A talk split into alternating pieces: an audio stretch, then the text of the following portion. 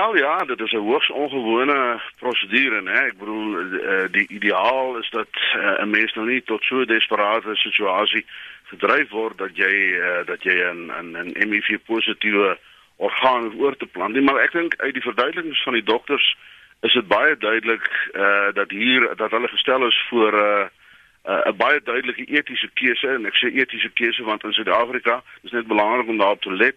Ons het geen wetgewing wat hierdie uh, prosedures reguleer nie. Daar is wette in die FSA waarna ek later sou kon verwys, maar in Suid-Afrika is daar geen uh, regulatoriese raamwerk in terme van wette nie.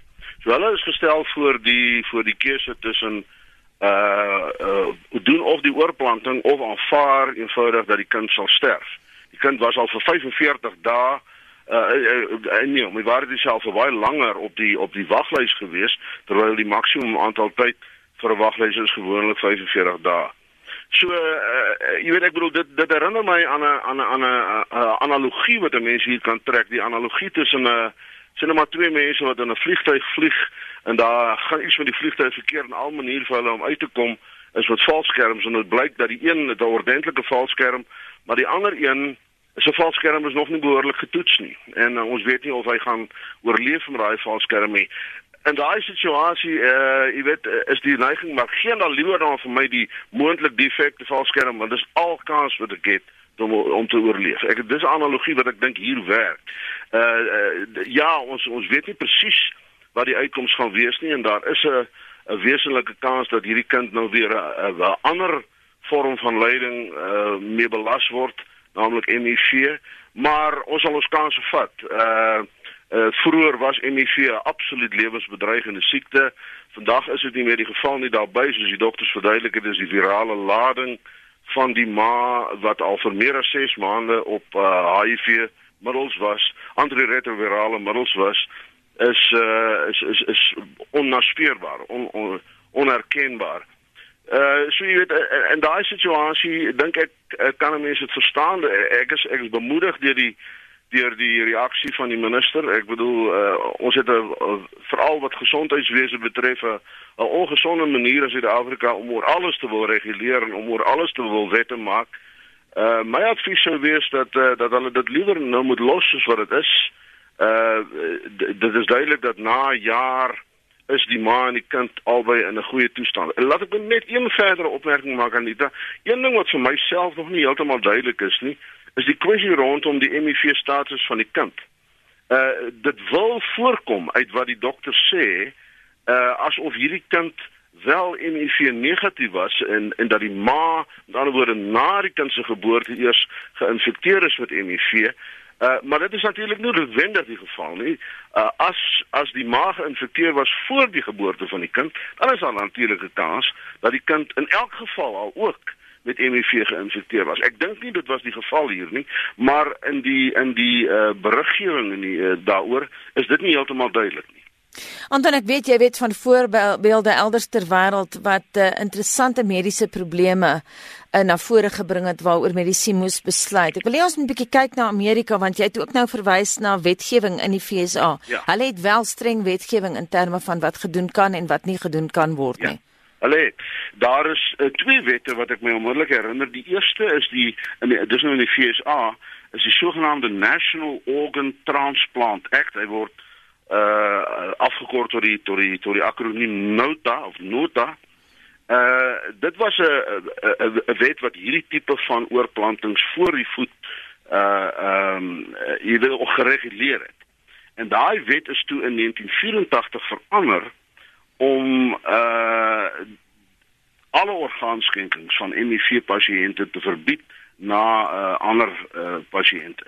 Nou nadat verdere navorsing toe in die FSA uh, plaasgevind het, het die Senaat uh, in 2013 nog 'n wet aanvaar, 'n nuwe wet wat begin staan as die HIV Organ Policy Equality Act. Hy word sy akroniem is weer HOPE.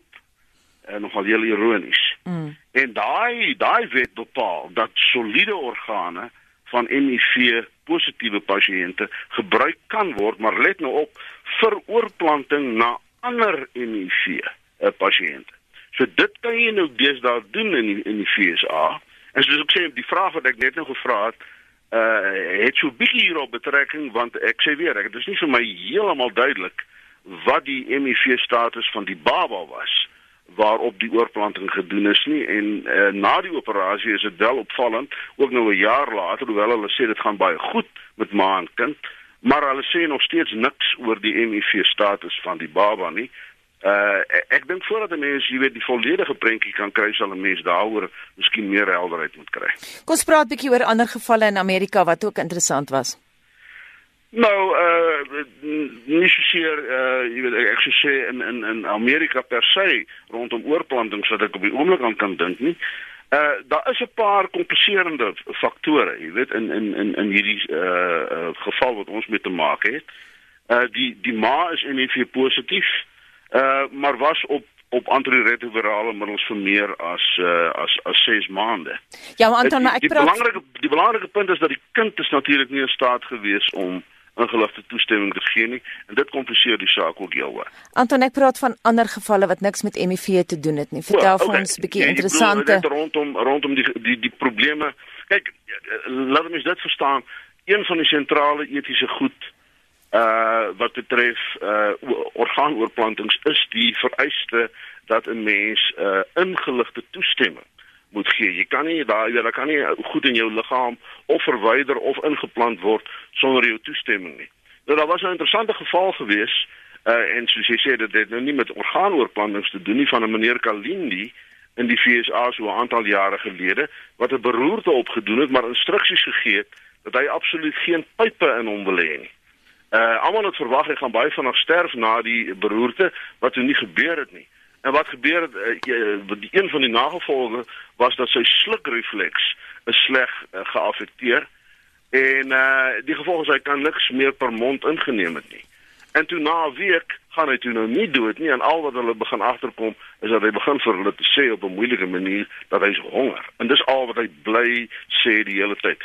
Dit het die dokters in 'n geweldige etiese dilemma geplaas want nou moet jy iets doen wat hy eksplisiet in 'n sekere sin verbied het uh toe hy nou nog gesond was maar nou uh nou in 'n sekere sin vra en, en dit was 'n hele rede ek het nou nie tyd vir oggend om die hele storie te vertel nie maar die uiteinde van die storie is dat hulle toe wel uiteindelik besluit het om 'n pyp uh, uh jy weet uh, in te sit in sy maag wat hom kunsmatig gevoed het. 2 3 weke later toe stap hy uit die hospitaal uit uh nie heeltemal genees nie, maar heeltemal in staat om weer met sy lewe aan te gaan en hy sê baie dankie uh vir die vir die dokter. Dit dit roep rondom ingeligte toestemming die interessante vraag op. Uh, jy weet wat is die self as ek nou effens so 'n filosofiese spin daarop mag sit. Uh is uh, is die self wat besluit ek wil hê X Y of Z moet met my gedoen word, is daai self dieselfde as die persoon wat dan in die werklike situasie kom waar daai besluit uitgevoer moet word. En dit lyk vir my asof 'n mens nie asof 'n mens nie met groot sekerheid altyd kan sê dat dit die geval is nie.